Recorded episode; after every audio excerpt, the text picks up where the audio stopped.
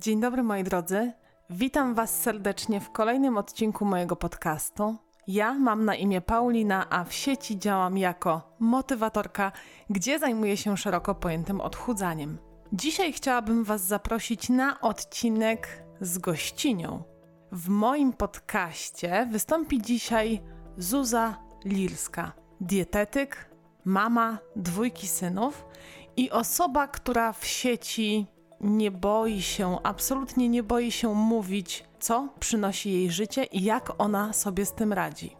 Zaprosiłam Zuzę, ponieważ obserwuję ją, obserwuję ją naprawdę od wielu lat i mniej więcej wiem, co się u niej dzieje, a raczej wiem tyle, ile ona oczywiście pokazuje na swoich mediach społecznościowych i zawsze podziwiałam jej podejście do życia, oraz sposób wypowiadania się na temat tego życia, sposoby po prostu, wiecie, na, na to, jak iść przez życie i pokonywać, albo właśnie nie pokonywać przeciwności, które nam to życie daje. Nie ukrywam, że zapraszając Zuzę, chciałam z niej troszeczkę powyciągać takich, wiecie, smaczków z życia dietetyka, który też się odchudzał. Dwa razy była w ciąży, dwa razy rodziła, no to może coś tam, wiecie, jakieś przytycie po ciążach i po porodach. No i tak chciałam powyciskać, powyciskać, jakieś mięcho. No i sami zobaczycie, czy mi się udało, a czy może nasza rozmowa zboczyła na zupełnie inne tory i wyszło z tego coś 10 razy lepszego niż gadanie o tym, jak Zuza chudła po ciążach, to już pozostawiam Waszej ocenie. Zapraszam Was serdecznie na odcinek, w którym poruszymy naprawdę wiele tematów. Od odchudzania, przez różne podejścia do odchudzania i kłócące się nasze poglądy, przez trudy, życiowe trudy, które Zuza napotkała na swojej drodze, jak z nich wybrnęła, jakie podejście jej wtedy towarzyszyło, co jej pomagało. Zapraszam serdecznie, miłego odbioru.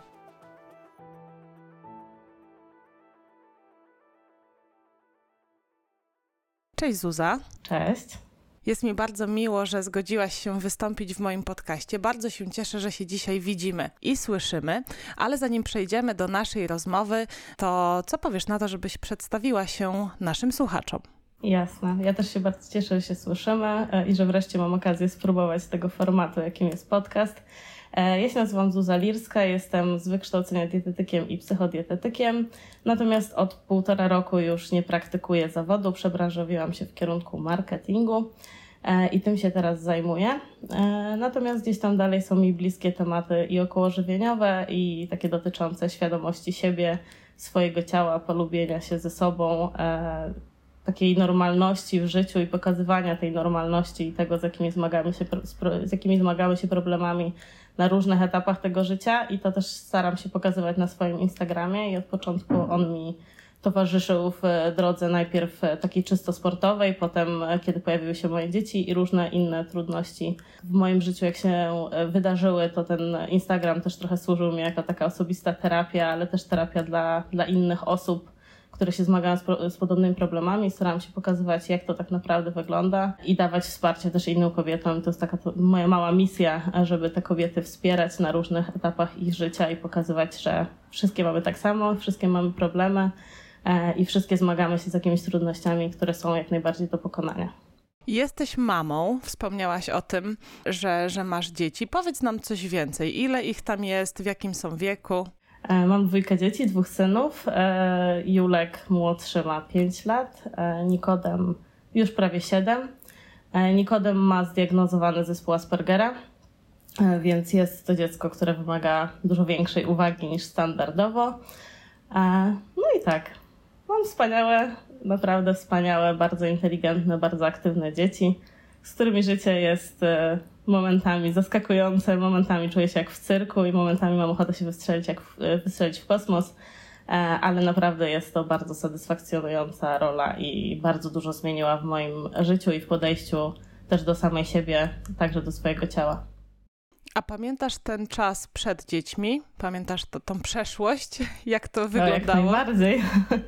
Pamiętam swoją przeszłość jak najbardziej. E, moja przeszłość e, ja mm, jestem zdania, że y, każdy wiek ma swoje prawa, natomiast y, czas przed dziećmi ja utożsamiam z takim czasem dużego nieuporządkowania, dużego nieuporządkowania w głowie, e, bardzo dużego perfekcjonizmu, e, który mi towarzyszył właściwie od zawsze, bardzo dużych kompleksów, mimo że moja forma, jako że byłam przez długi czas zawodowym sportowcem, po operacji kolan, która zakończyła moją zawodową karierę, też gdzieś tam wkręciłam się w siłownię i w tym czasie takim bezpośrednio przed, przed pierwszą ciążą ja też miałam najlepszą formę w życiu i, i naprawdę trenowałam bardzo ciężko. Momentami mam wrażenie, że to już była, jakaś, była to jakaś forma uzależnienia i nie było to do końca zdrowe.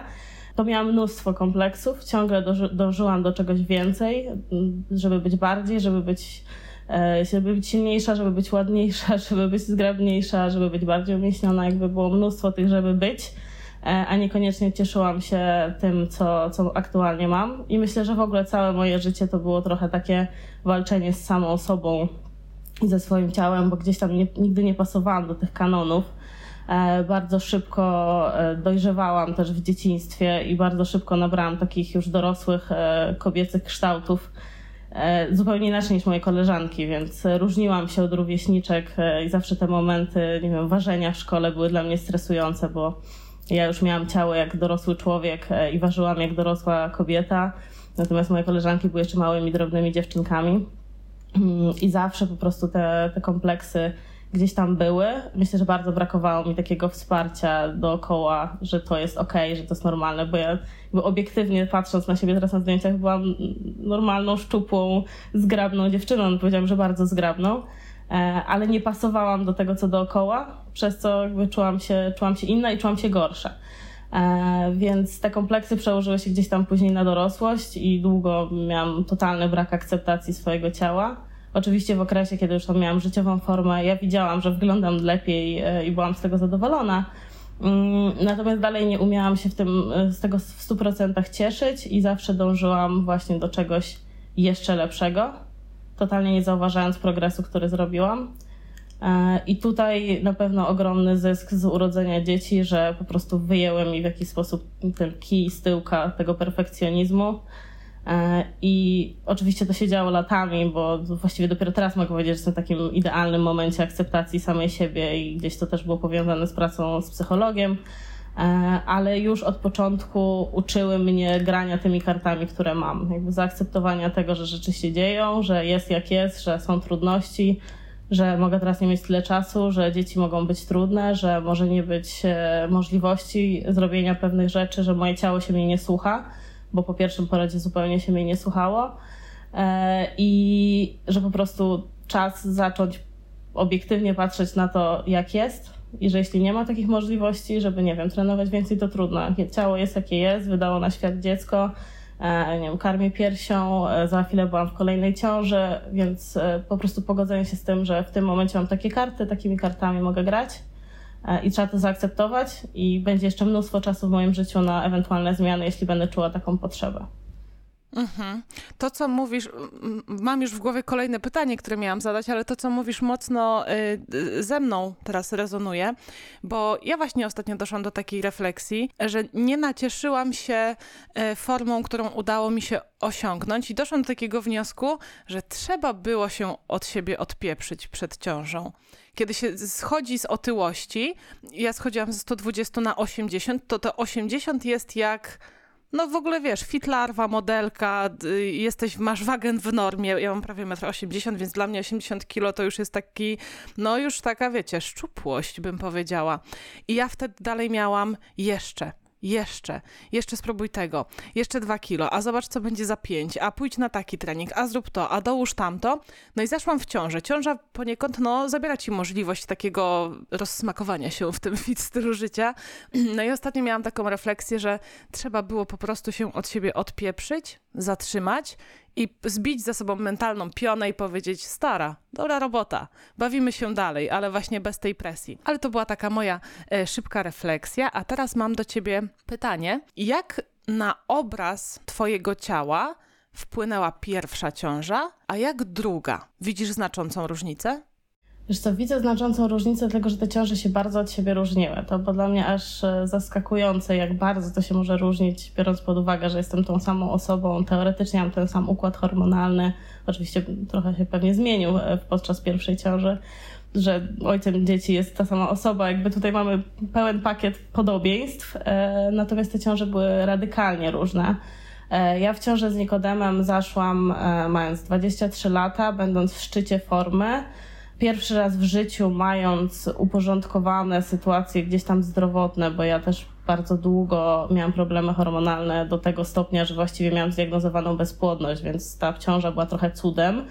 E, że ona się stała, stała się naturalnie i w ogóle na tym momencie, w którym tego jakby już przestałam to planować i przestałam tego chcieć nawet. I byłam wtedy aktywna. Jakby ja się dowiedziałam w ogóle o ciąży, jako że miałam bardzo nieregularne cykle, które potrafiły, jakby miesiączki potrafiły się zdarzać i co pół roku ze względu na te problemy hormonalne, to ja się w ogóle nie zorientowałam, że jestem w ciąży, więc dowiedziałam się w trzecim miesiącu, e, kiedy trenowałam bardzo ostro crossfit przez te pierwsze trzy miesiące. Później jakby wiedząc, że już się nic złego nie wydarzyło, też ćwiczyłam. Oczywiście już to było dopasowane do, do tego, że jestem w ciąży, natomiast ćwiczyłam, powiedziałabym, mocno i byłam bardzo długo aktywna. Długo chodziłam do pracy, bardzo dobrze się czułam i przytyłam e, sumarycznie 12 kilo, co jest w sumie niewielką, e, niewielką, niewielkim wzrostem wagi, patrząc na to, że naprawdę wtedy byłam już bardzo szczupła. Miałam niski poziom tkanki tłuszczowej, a bardzo wysoki poziom tkanki mięśniowej.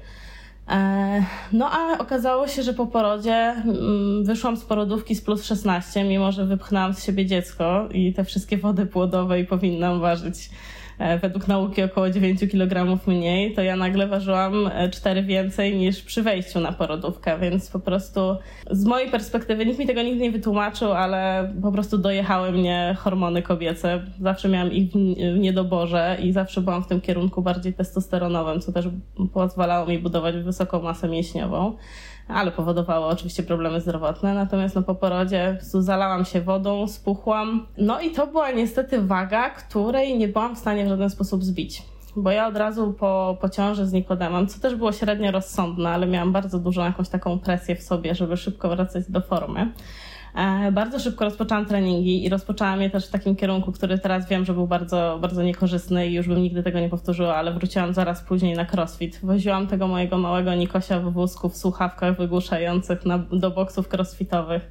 Po prostu kładłam go na podłogach w siłowniach, na kocyku gdzie on oblizywał te ketle. W ogóle jak teraz sobie o tym myślę, to naprawdę to nie było mądre, ale ja bardzo, bardzo chciałam, chciałam wrócić. No, gdzieś tam wokół też, no jakby przed byłam dość już znaną osobą z, z tego trenowania, zdrowego stylu życia i tak dalej, więc miałam w sobie takie poczucie, że no muszę, jakby muszę wrócić. To nie może być tak, że dietetyk będzie tutaj się zmagał z, z tą nadwagą.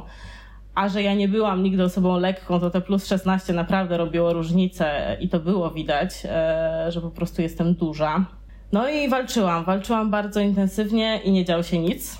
Naprawdę nie działo się nic, po prostu ta waga nie ruszała ani o centymetr, ani o pół kilograma. No w ogóle nic się, nic się nie działo z moim ciałem i miałam poczucie, że totalnie mi odmówiło posłuszeństwa nie rozumiałam tego, ale mówię, też pierwszy raz byłam w jakiejś stabilizacji hormonalnej, takiej kobiecej stabilizacji hormonalnej, karmiłam piersią.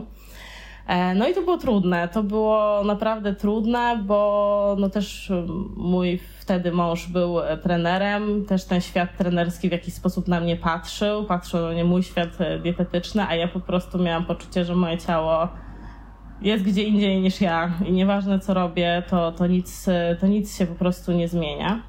E, natomiast e, ja po roku, równo po roku zaszłam w ciąży z Julkiem i w ciąży z Julkiem, no miałam roczne dziecko, więc nie trenowałam. Wróciłam do pracy, bo jeszcze zanim zorientowałam się, że jestem w ciąży, to wróciłam do pracy, więc pracowałam.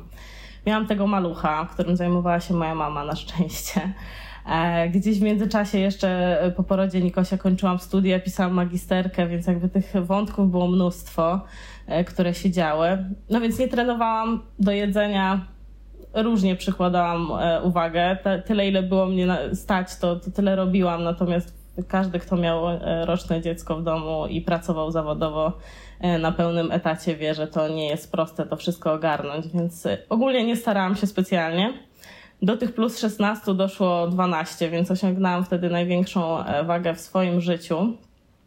Natomiast kilogramy z Julkiem zeszły natychmiast, tak? Mimo, że ja nie byłam aktywna, nie, nie stosowałam żadnych diet, specjalnie się tam nie przejmowałam, już odpuściłam sobie wszystko, po prostu chciałam donosić zdrowo tą ciążę.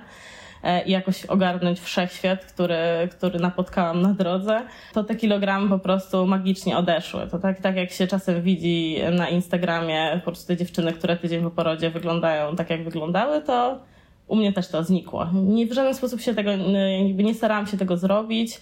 Nie wróciłam na siłownię, poświęciłam czas na połóg, poświęciłam czas na karmienie. Ja karmiłam w tandemie dwójkę dzieci wtedy, e, więc e, jakby skupiałam się na tym, żeby leżeć, karmić, cokolwiek zjeść e, i dalej ogarniać wszechświat, a kilogramy wyparowały. Natomiast no wciąż miałam te plus 16 po, po Nikosiu, więc wciąż nie byłam w tym miejscu, które, które gdzieś tam znałam i które mi odpowiadały, natomiast na tamtym etapie no już mi to było trochę wszystko jedno. W sensie nie, nie było mi wszystko jedno, bo wiedziałam, że czuję się gorzej, bo to już nawet nie chodzi o kwestie wizualne, bo ja z nimi już na tym etapie byłam totalnie pogodzona, jakby pokazywałam swoje ciało na Instagramie, e, jakby i z tymi rozstępami, z, tym, e, z tą fałdką na brzuchu i, i z tym, co po prostu było w nadmiarze i, i nie miałam z tym już totalnie problemu na tym etapie. Natomiast też wiedziałam, że po prostu czuję się gorzej, e, chociażby pod kątem stawów, e, bo ja jestem po tych operacjach dość ciężkich kolan, więc jakby bardzo odczuwałam też te nadmiarowe kilogramy pod tym kątem. Wiadomo, jeszcze nosząc te dzieci w chustach i tak dalej, często dwójkę naraz, e, po prostu czułam, że te kilogramy e, no, w jakiś sposób mi utrudniają funkcjonowanie, ale już na tym etapie też e, no po prostu było mi wszystko jedno. Za chwilę spytam Cię o tą presję, o której wspomniałaś, a propos wracania do formy, ale mam pytanie z serii dietetyczna ciekawostka, bo powiedziałaś, że karmiłaś w tandemie. E, ja pamiętam, że zwracałam się do Ciebie z pytaniem, chyba nawet robiłyśmy kiedyś takie instastory, że Cię wywołałam do odpowiedzi a propos kaloryczności, redukcji i karmienia piersią. A jestem teraz bardzo ciekawa, czy w tandemie, e, jak karmimy w tandemie, bo musicie wiedzieć, że Zuza jest i dietetykiem i też weteranką karmienia piersią. Ty karmiłaś do samo odstawienia, prawda? Tak, karmiłam do samoodstawienia. E, troszkę pomogłam temu młodszemu dziecku, bo to już było dla mnie ponad 5 lat ciągłego karmienia, więc e, już po prostu czułam się tym mocno zmęczona. Ale też to, to nie było takie odstawienie na hip hip hura, to raczej było gdzieś tam stopniowe po prostu tłumaczenie, no bo to już był tam 3,5 latek, więc można było mu coś tłumaczyć i gdzieś tam powoli zmniejszanie tej ilości karmień, ale pierwszego syna karmiłam do całkowitego samoodstawienia. No ale też nie było we mnie presji, bo wciąż miałam tego małego, więc e, i tak karmiłam, i tak karmiłam, więc czy on przyszedł na łyczka, czy przyszedł na dwa, to mi tam e, nie robiło dużej różnicy. Mm, no ale tak, no w sumie pięć, ponad 5 lat e, ciągłego karmienia, więc myślę, że można mnie nazwać w jakiś sposób weteranem. Tak, tak, jak najbardziej. Weteranka karmienia piersią. Czy w tandemie inaczej liczymy deficyt, który powstaje podczas karmienia piersią, jeżeli zakładamy, że przy KP to jest jakieś około minus 500, to przy czy w tandemie wtedy razy dwa?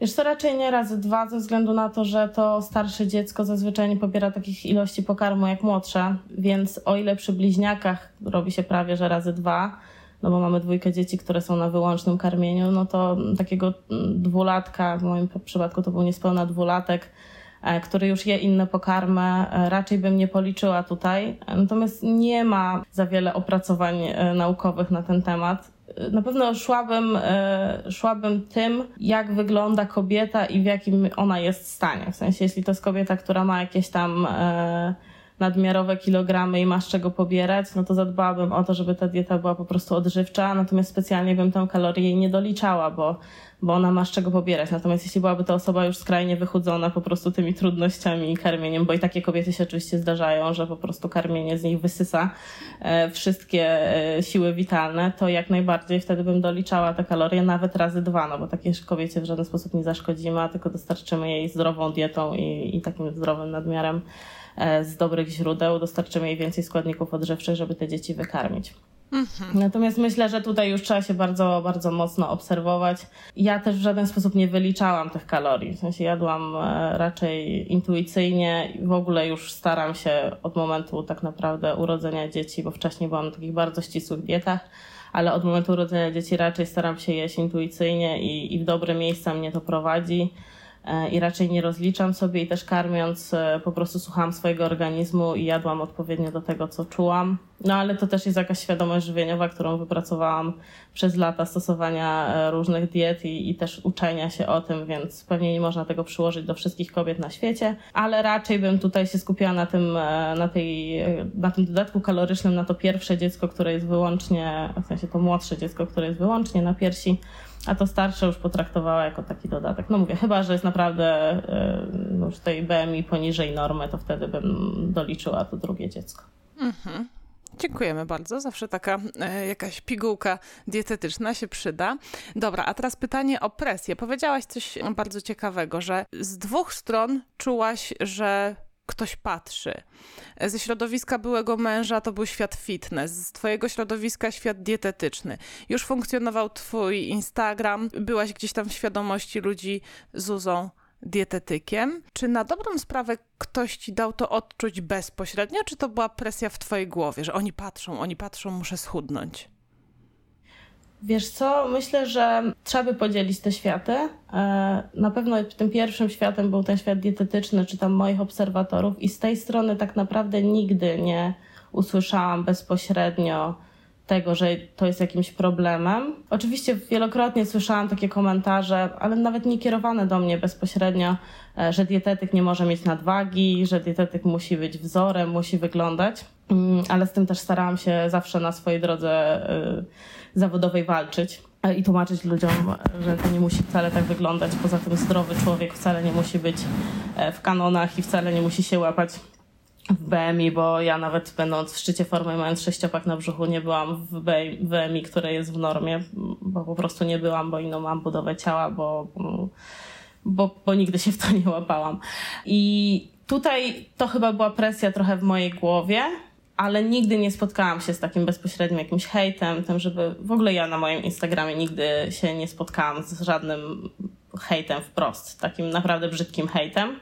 Myślę, że jestem szczęściarą, że taką fajną grupę osób gdzieś tam sobie zbudowałam, że e, naprawdę widzę raczej wsparcie i nawet powiedziałabym, że w pewnym momencie czułam, że nie to, że ludzie mnie wspierają, tylko że ludzie mnie podziwiają, że mimo, że jestem tym dietetykiem i że moja, mój wygląd i moja waga odbiega od tego, co, co powinno być teoretycznie, co świat mówi, że powinno być, to, że super, że to pokazuje, że super, że właśnie, że kobiety mają, e, które mnie obserwują, mają takie poczucie, że one nie są w tym same, że ktoś, kto ma wiedzę, nie wiem, środki i tak dalej, też może zmagać się z takim problemem, że to nie jest chcieć to móc, bo to nigdy nie jest chcieć to móc, e, że różne są sytuacje, mm, więc tutaj raczej budowała się, budował się taki bardzo dobry obraz tego, co robię.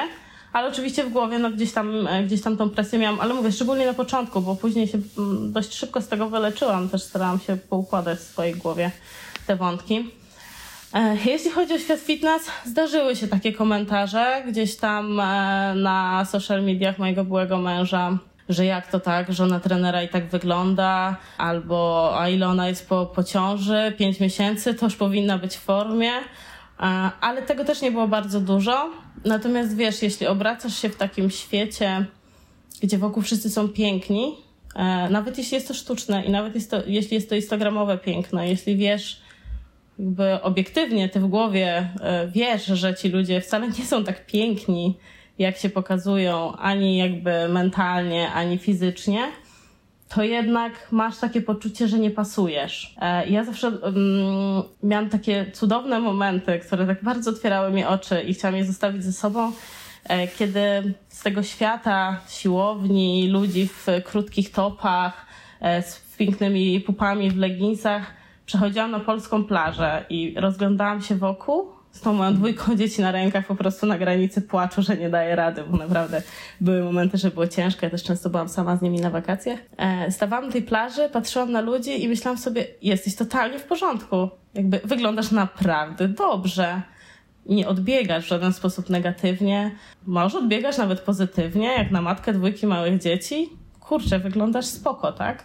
I to były takie momenty, kiedy znajdowałam się, właśnie wszystko zależy od perspektywy, kiedy znajdujesz się w, wśród normalnych ludzi, z normalnym podejściem, z taki, y, wśród takich ludzi, którzy mają normalną pracę, muszą 8 godzin przesiedzieć przed biurkiem, czy nie wiem, robić cokolwiek innego, którzy sami muszą sobie ugotować, którzy mają dzieci, którymi się faktycznie opiekują, e, którzy nie zarabiają pracując na siłowni, to nagle okazuje się, że to jest okej, okay, to jest, wszystko jest w normie. Jakby oni też nie mają czasu, oni też mają trudności, oni też czasem zjedzą mrożoną pizzę, a ich dzieci mrożone frytki. To jest okej. Okay. Natomiast jeśli się postawisz wśród ludzi, którzy zupełnie inaczej niż ty, bo ja nigdy nie, nie byłam trenerką, nigdy nie pracowałam na siłowni, nigdy nie byłam na e, nie wiem, utrzymanką i nie, nie pracowałam, zawsze miałam pracę zawodową. Jeśli postawisz wśród ludzi, którzy zarabiają na tym, którzy całe dnie spędzają na siłowni, mogą w dowolnym momencie zrobić 15 minut cardio, potem 30 e, minut treningu siłowego gdzieś pomiędzy klientami, którym ktoś dowozi posiłki z cateringu, z barteru, e, którzy nie mają jakichś większych zmartwień, którzy mają, nie wiem, opiekunki do dzieci, albo tych dzieci w ogóle nie mają, to nagle się okazuje, że no nie, no jakby nie jesteś normalny, jakby odbiegasz od nich, nie? Jakby twoja waga nie jest taka, e, twój ubiór nie jest taki, nie nie masz makijażu na siłowni, nie masz zrobionych włosów, więc wszystko zależy od tego, wokół jakich ludzi się obracasz i to jest toksyczne. E, postawienie się w miejscu, w którym ty tak naprawdę do niego nie przynależysz i porównywanie się z tymi ludźmi. Bo ty tam nie należysz, ty masz zupełnie inne życie i musisz się, jeśli w ogóle się porównywać, choć jestem za tym, żeby się w ogóle nie porównać, ewentualnie porównywać do samego siebie, to porównywać się z ludźmi podobnymi do siebie, czyli ludźmi, którzy też mają, nie wiem, 15 minut wolnego czasu w ciągu dnia e, i też muszą się zająć tym wszystkim i też mają trudności i to już w ogóle posiadanie dziecka z niepełnosprawnością to już w ogóle jakby odcina totalnie nawet środowisko, bo ciężko jest znaleźć ludzi, którzy mają podobnie e, do ciebie, bo tacy ludzie za dużo się nie pokazują zazwyczaj, e, czy jest ich bardzo niewielu. E, więc dopiero wtedy, jak spotkasz taką grupę, do której faktycznie należysz, wtedy ewentualnie możesz się porównywać, jeśli w ogóle chciałabyś się porównywać, bo jestem za tym, żeby się nie porównywać. Ale w tym momencie dopiero jestem teraz, czyli 7 lat później, e, z pełną świadomością, z, z różnymi rzeczami, które się wydarzyły po drodze i też z osobą u boku, która mm, jakby totalnie mnie akceptuje i, i darzy po prostu codziennym zachwytem. I to dopiero 7 lat później pozwoliło mi zbudować taką pewność siebie, że nawet nie muszę patrzeć w lustro. Ja wiem, że jest okay, jest super. Zakładam spodnie, jest super, zakładam spódnicę, jest super. Jakby nie muszę się zastanawiać, co mi wystaje, e, gdzie tam, nie wiem, jest fałdka. Chcę iść bez koszulki na siłownię, sam w staniku sportowym idę. Chcę założyć shorty, których nie nosiłam nigdy w życiu, bo miałam e, masywne, krótkie nogi. Zakładam, bo są super, tak? Moje nogi teraz są super i wszystko we mnie teraz jest super, ale do tego momentu musiałam dojść i ciężką pracą, i pomocą psychologiczną, i też trudnościami, które wydarzyły się w życiu.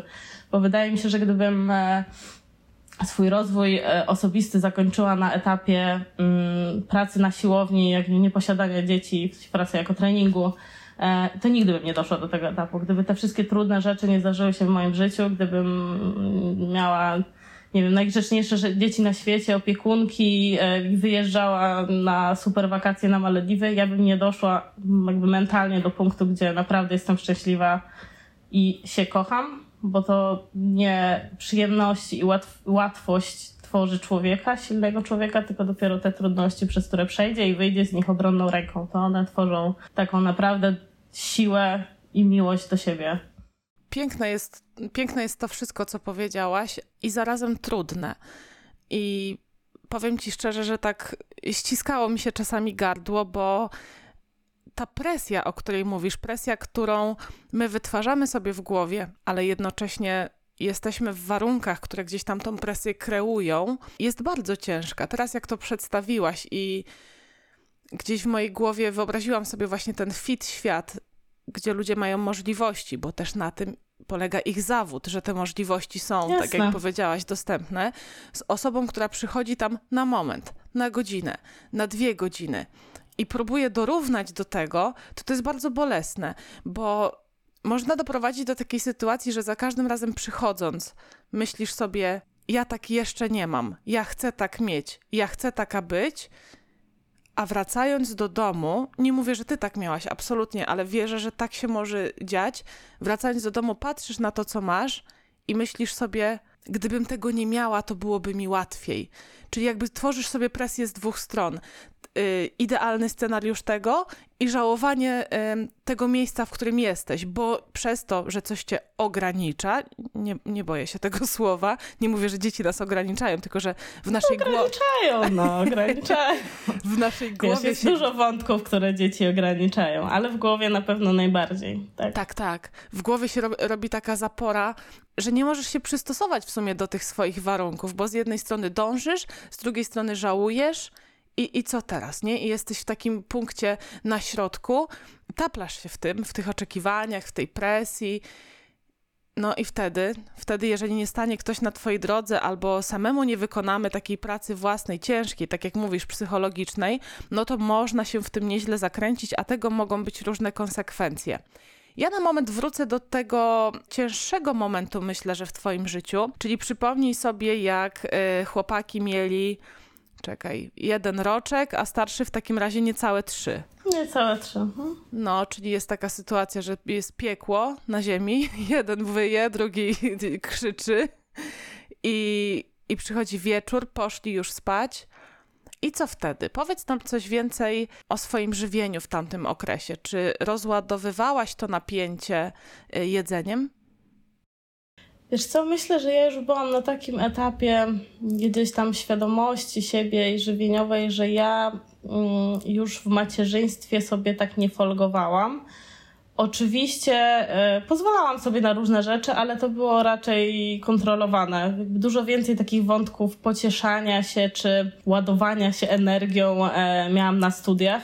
E, też w momencie, kiedy byłam w bardzo dobrej formie, bo wiedziałam, że mogę sobie pozwolić jakby też pod kątem wyglądu na to odstępstwo. Natomiast wtedy dużo było takich wątków, że uczę się do sesji, więc zagryzam chipsy czekoladą, bo da, więcej da się zjeść czekolady, jak się zagryzie chipsami, bo się uczę, bo mi się należy, bo się uczę ciężko i, i studia są ciężkie i to wszystko jest ciężkie. Wtedy więcej miałam w sobie takiego takie właśnie niepoukładania, o którym mówiłam wcześniej. W macierzyństwie już, e, już było spokojniej. E, na pewno moje żywienie mm, mocno ucierpiało na tym, że e, gotowałam dzieciom i nie do końca, jakby staram się bardzo mądrze to zrobić. I nie do końca to są, to były rzeczy, które, które ja bym jadła, które wiem, że mi służą. No bo jak gdzieś tam już mocno mam zbadane E, w swojej głowie, jakie produkty robią mi dobrze, jakich powinnam unikać. No i jakby gotując dzieciom i chcąc im rozszerzać dietę w 100%, no jakby dużo w domu się pojawiało produktów, e, które niekoniecznie mi służą, a wiadomo, no wyrzucać jedzenie po dzieciach średnio, więc się dojada. E, albo nawet miałam catering przez jakiś okres, e, no ale co z tym jedzeniem, które leży w lodówce, nie było komu to zjeść. Więc to na pewno były wątki, które mi trochę psuły to moje podejście. Oczywiście zdarzały się wieczory, kiedy po prostu siadałam na kanapie i mówiłam sobie tylko chipsy albo czekolada. E, ale też staram e, sobie właśnie nie nakładać jakiejś takiej nadmiernej presji, jeśli chodzi o to, e, o tą dietę i o to wyliczanie. I jak miałam naprawdę ochotę już na, na tą czekoladę, to ją po prostu jadłam w jakichś tam sensownych ilościach. Mm, nie miałam większych problemów, żeby tą dietę jakoś na standardowe tory, choć wiadomo, jest to po prostu trudniejsze, ale żeby ją na standardowe tory w, wprowadzić na pewno na początku karmienia bardzo się ta dieta różniła, dlatego że po prostu ciągnęło mnie bardzo, bardzo do węglowodanów i potrafiłam budzić się w nocy i zjadać banany. No ale też staram się jeść banany, nie czekoladę. Więc myślę, że byłam w dobrym momencie e, i to już nie było miejsce, w którym, e, w którym to macierzyństwo i te trudności mogłyby mnie zniszczyć pod kątem dietetycznym.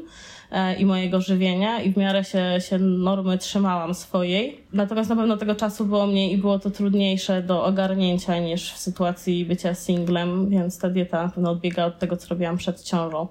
Najbardziej e, na, e, pod kątem tego, co ucierpiało, no to ucierpiały moje treningi. No bo przed ciążą z Nikosiem no byłam w gazie treningowym, takim totalnym treningu sześć razy w tygodniu, często dwa razy dziennie.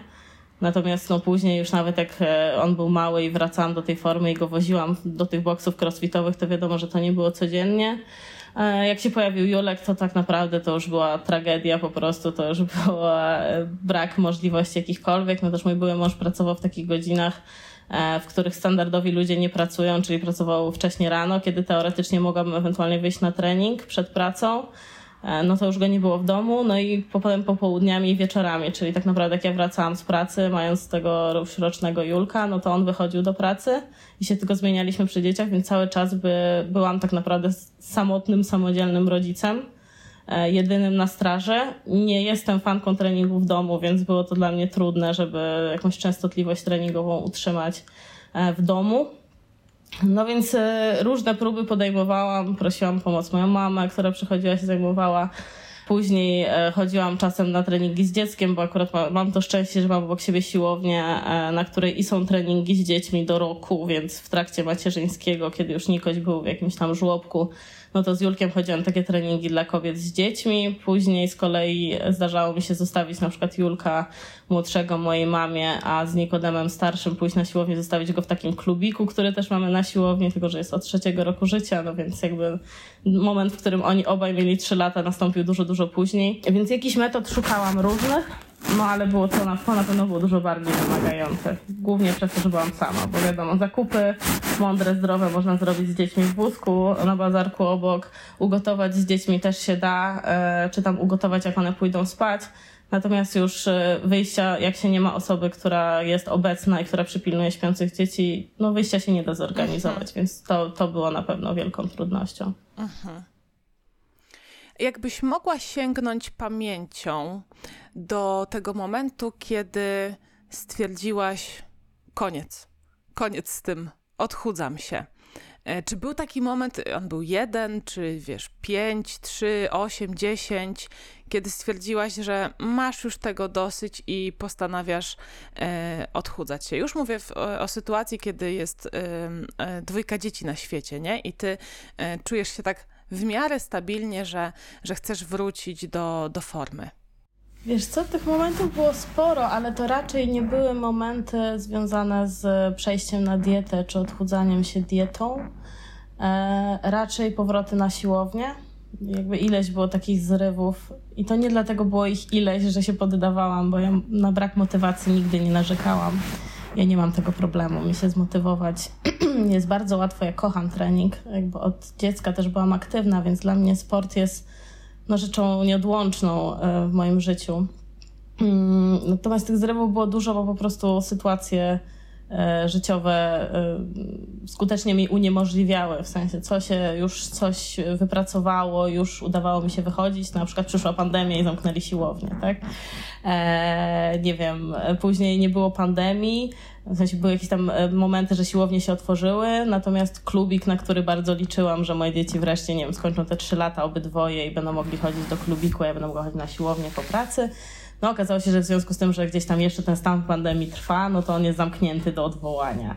No i już kolejna opcja e, się wykluczyła. Moja mama, która bardzo mnie wspierała, mieszka też bardzo blisko, moi rodzice mieszkają bardzo blisko mnie i przez cały ten okres mojego macierzyństwa mieszkali, nawet jak zmieniliśmy mieszkania, to w obrębie dzielnicy, więc zawsze byli w tej dzielnicy e, obok nas i bardzo nas wspierali, no to moja mama zachorowała e, i nie mogła w żaden sposób już mnie wspierać, więc wtedy trzy dzieci były chore i musiałam zostawać w domu, to już musiałam kombinować sama, czy właśnie wychodzenie na siłownię, takie regularne, w którym ona mnie wspierała, e, też, e, też odpadały. Więc ileś tam różnych sytuacji było, które te, te moje dobre pomysły i ten ciąg e, zdarzeń, który powodował, że wreszcie dotarłam na siłownię, po prostu ukrócały i, i to, się, to się nie działo. Na pewno w którymś momencie miałam już, Kiulek miał około półtora roku, miałam taki moment, że już faktycznie zaczęłam czuć się źle też fizycznie, po prostu jakby czysto fizycznie pod kątem właśnie tych stawów, o których wspominałam wcześniej. Mm, I jakiś miałam już sobie taki moment, że już jest w miarę stabilnie, a u mnie nie jest stabilnie. W sensie nie realizuję swoich pasji, moja głowa na tym cierpi, e, po prostu potrzebuję dla zdrowia psychicznego tego, tego treningu i też tego ułożenia swojego ciała, żeby ono wreszcie zaczęło się mnie słuchać. E, I wtedy faktycznie udało mi się schudnąć. Udało mi się schudnąć e, w trakcie postu, który przeprowadziłam. E, wiem, że to nie są Twoje metody, natomiast no, gdzieś tam wiedząc, z czym to się je, ja też bardzo długo zajmowałam się i nietolerancjami pokarmowymi, i niestandardowymi dietami. Pisałam magisterkę o diecie paleo, podyplomówkę o diecie, diecie ketogenicznej, więc gdzieś tam znałam podstawy naukowe wiedziałam, jak sobie to zrobić dobrze, żeby sobie nie zaszkodzić. To jak Jurek miał około półtora roku, właśnie przeprowadziłam post.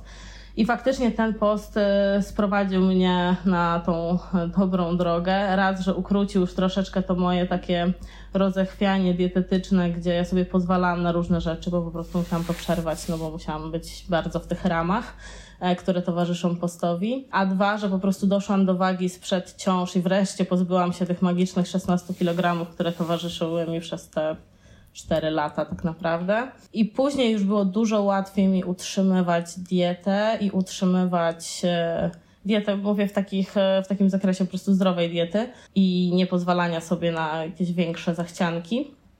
I dużo łatwiej było mi utrzymać tą wagę, ponieważ ta waga nawet jeśli się chwiała, bo ona oczywiście na po poście trochę tam wróciło, bo to wiadomo, że w dużej mierze to jest woda, która się straci z organizmu, więc to wracało w jakiś sposób. Parę kilogramów gdzieś tam na wakacjach, jak sobie pofolgowałam, też wracało, czy jak mniej trenowałam.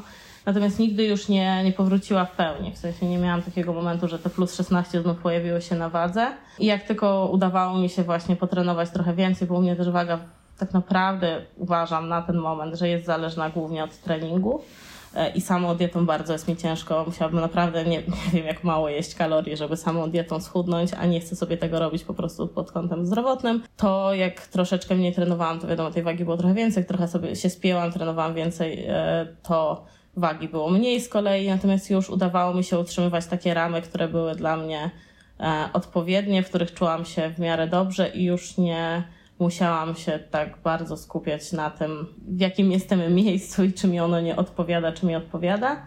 E, I czułam się dużo lepiej fizycznie. Więc e, to był taki moment faktycznie, w którym uznałam, że no pas, trzeba się za siebie wziąć, bo po prostu to się źle skończy dla mojego zdrowia i szczególnie dla moich kolan, które po prostu w którymś momencie nie wytrzymają i będzie czekała mnie wymiana na jakieś sztuczne kolano i będę robotem. I, I to był moment, gdzie się zawzięłam i zrobiłam swoje. Mm, natomiast później już, e, już raczej się trzymałam e, jakiegoś takiego jednego obranego toru i, i w miarę to działało. Miałam wrażenie też, że im dalej w las, jeśli chodzi o to karmienie, tym bardziej te hormony gdzieś tam się zmieniają znów w tym kierunku, który miałam wcześniej.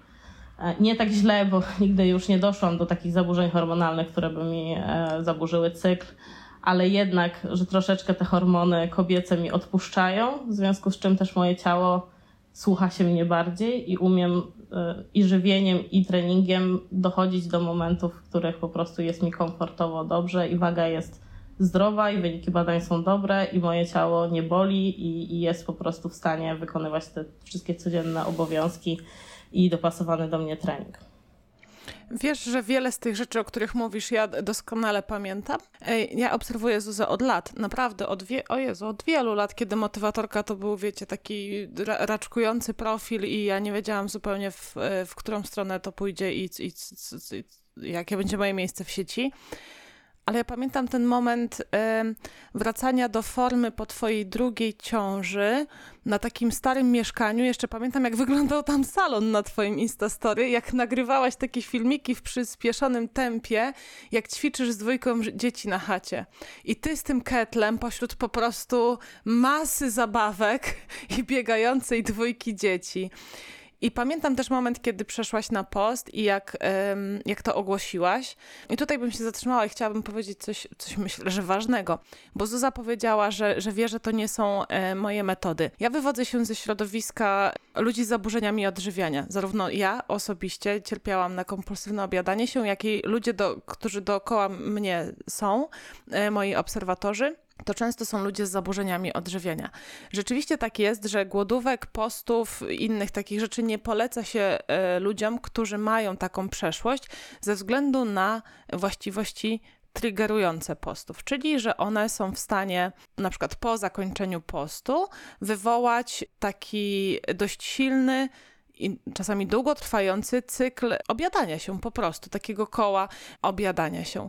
Tutaj musimy powiedzieć, że Zuza jako osoba doświadczona też w tym kierunku i świadoma zrobiła to na własną odpowiedzialność. Ale co bym chciała powiedzieć, te kuluary. Kiedy ty przychodziłaś na ten post, powiedziałaś coś bardzo ważnego na swoim story, że wiesz, że to może być kontrowersyjne, że wiesz, że dużo ludzi może się tego oburzyć, ale że w tym momencie zastanów, zatrzymajmy się i się wszyscy zastanówmy, co będzie bardziej szkodliwe. Dwa tygodnie postu, czy dwa tygodnie jakby być, trwania w nawykach, które w kółko doprowadzają do tego, że się przejadamy, przejadamy, jemy śmieciowe jedzenie, ładujemy w siebie, w siebie siebie, żarcie i tak dalej. Ja nawet wtedy do ciebie napisałam, że pierwszy raz tak na, na, na to spojrzałam.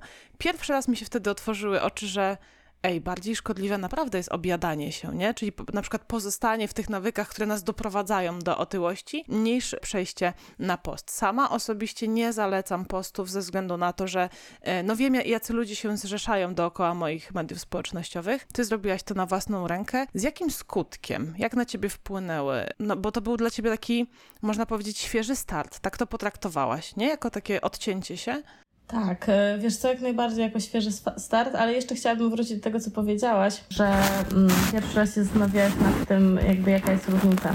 Ja myślę, że to w ogóle jest problem i dietetyków, i diet, i ludzi, którzy korzystają z diet, że często skupiamy się na tym, na przykład, dlaczego dieta ketogeniczna jest niezdrowa, w sensie jakie może, nie wiem, skutki e, negatywne wprowadzić do naszego organizmu, że możemy się borykać, nie wiem, z podwyższonym cholesterolem. No różne są jakby teorie, do których może prowadzić na przykład taka dieta, a totalnie nie zastanawiamy się nad tym, jak wpływa na zdrowie człowieka na przykład taka zwykła, standardowa zachodnia dieta. Że często to, co, czego w żaden sposób nie negujemy, E, oczywiście dietetycy mogą powiedzieć, że to jest złe żywienie, ale większość nawet się nad tym nie zastanawia. Jak bardzo złe konsekwencje prowadzi e, spożywanie po prostu nadmiaru węglowodanów i tłuszczu w diecie w produktach przetworzonych. E, natomiast skupiamy się na tym, że jakaś dieta może prowadzić do czegoś. Według mnie każda zmiana jakby będzie sensowna i przemyślana i i jeśli wiemy, po co to robimy, bo to jest klucz do tego, musimy wiedzieć, po co robimy różne rzeczy, musimy wiedzieć, po co się suplementujemy, po co stosujemy daną dietę, dlaczego miałby nam tam pomóc, jaki mamy na to pomysł.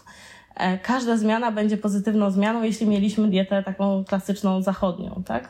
Więc czasem za dużo uwagi poświęcamy temu, żeby się kłócić między sobą, czy dieta wegańska jest zdrowa, albo czy może lepiej jeść mięso, a czy może jednak to mięso jest rakotwórcze nie zastanawiając się nad tym, że dla większości ludzi to jest abstrakcja, tak? Większość ludzi nie stosuje diety wegańskiej ani ketogenicznej. Większość ludzi je źle po prostu. I na tym powinniśmy się skupić, żeby tym ludziom otworzyć oczy, że są różne diety, że mogą coś dopasować do siebie, że mogą zbudować świadomość i wiedzę żywieniową, która pozwoli im na eksperymentowanie i to zrobiłam ja mi, mnie wiele lat nauki doprowadziło do momentu, kiedy eksperymentowałam z dietami i jestem ich zwolenniczką i jestem zwolenniczką też diet niekonwencjonalnych, tak jak mówisz, nie przy zaburzeniach odżywiania jakichkolwiek, jak najbardziej. Natomiast jestem ich zwolenniczką, bo widzę ich pozytywne konsekwencje, ale też nie będę ich zalecać osobom, które jakby są zwykłymi jakby no, powiem to, choć może tego nazwiska nie będę się nazywać, zwykłymi Kowalskimi, e, zwykłymi po prostu ludźmi, którzy żyją w standardowy sposób. Ja wiadomo, że nie wprowadzę takiego człowieka, który dotychczas jadł zapiekanki na ketogeniczną dietę. Po prostu no, tego się nie robi. W takim człowieku buduje się po prostu świadomość żywieniową i dla niego odstawienie zapiekanki i zjedzenie kanapki na to miejsce, nawet z białym chlebem, będzie ogromnym zyskiem dietetycznym. I uważam, że wszystko jest dla ludzi, jeśli wiemy po co to robimy i mamy wiedzę, ale kluczowym jest zastanowienie się nad ogółem nie kłócenie się nad tym, czy lepszy jest e, martwy ciąg z ketlem, czy ze sztangą, bo dla większości ludzi martwy ciąg w ogóle będzie abstrakcją. Dla nich dobrze, żeby wyszli na spacer, nie? Wiadomo, ze, e, ba- z, wiadomo że ze sztangą, prawda? Też wolę ze sztangą, bo najwięcej możliwości, ale są różni ludzie.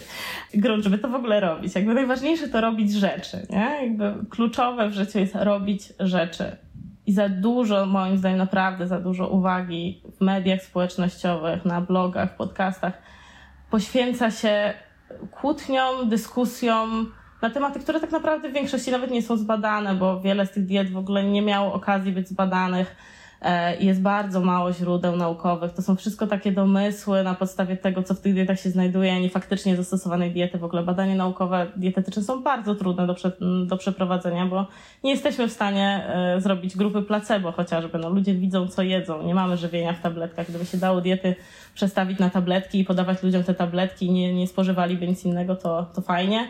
Natomiast ludzie są tylko ludźmi. Ciężko jest przeprowadzić badania dietetyczne. Wiem, bo sama to robiłam do pracy magisterskiej naprawdę e, praca z ludźmi jest wymagająca, to też na pewno dobrze o tym wiesz, bo jesteśmy po prostu tylko ludźmi i grzeszymy. Więc dużo z tego tak naprawdę nie ma większego sensu. Uważam, że powinniśmy naprawdę, wszyscy my, specjaliści odżywienia, powinniśmy się skupić na tym, żeby ludzie robili lepiej, żeby robili rzeczy, żeby wyszli na spacer, żeby pojeździli z dziećmi na łyżwach, a niekoniecznie uczyć ich najbardziej skomplikowanych ćwiczeń. Tak samo niekoniecznie skupiać się na tym, która dieta będzie najlepszą w rankingu, chociaż oczywiście fajnie, że jakieś rankingi powstają, ale to nie jest clue. Clue to jest po prostu uczyć ludzi jeść lepiej, żeby ludzie zauważyli, że mamy produkty, które są sezonowe, które, e, które są w naszym, w naszym kraju, w, naszej, w naszym regionie dostępne, żeby wiedzieli, że batata da się zrobić, z batata da się zrobić frytki, czy z ziemniaka da się zrobić frytki w piekarniku, a niekoniecznie trzeba kupić mrożankę, tak? Tak jak w Stanach doszliśmy do momentu, gdzie ludzie nie wiedzą, jak się robi naleśniki, bo mają gotową mieszankę do naleśników. Nie chciałabym, żebyśmy jako Polacy, jako naród doszli do etapu, gdzie totalnie nie mamy świadomości, że jedzenie wygląda w określony sposób. A trochę idziemy w tym kierunku i na to powinniśmy my, specjaliści, zwracać uwagę, a nie na to, żeby się między sobą kłócić, jaka dieta będzie najlepsza. Ale to wiadomo, że nie są to diety polecane dla osób z niską świadomością żywieniową. Nawet pod kątem korzystania z cateringu. Nieraz widzę takie sytuacje, że ktoś bierze sobie catering kategoryczny, dobra, bo się nie muszę dowiedzieć. Ale potem nie ma świadomości też, nie wiem, mm, że jak go boli głowa, to należałoby wypić wodę z solą, e, żeby mieć naturalne elektrolity, tak? E, albo, że może coś należy suplementować, bo w tej diecie tego nie będzie wystarczająco, bo ta dieta po prostu jest w takim typie, że nie wszystko dostarczy.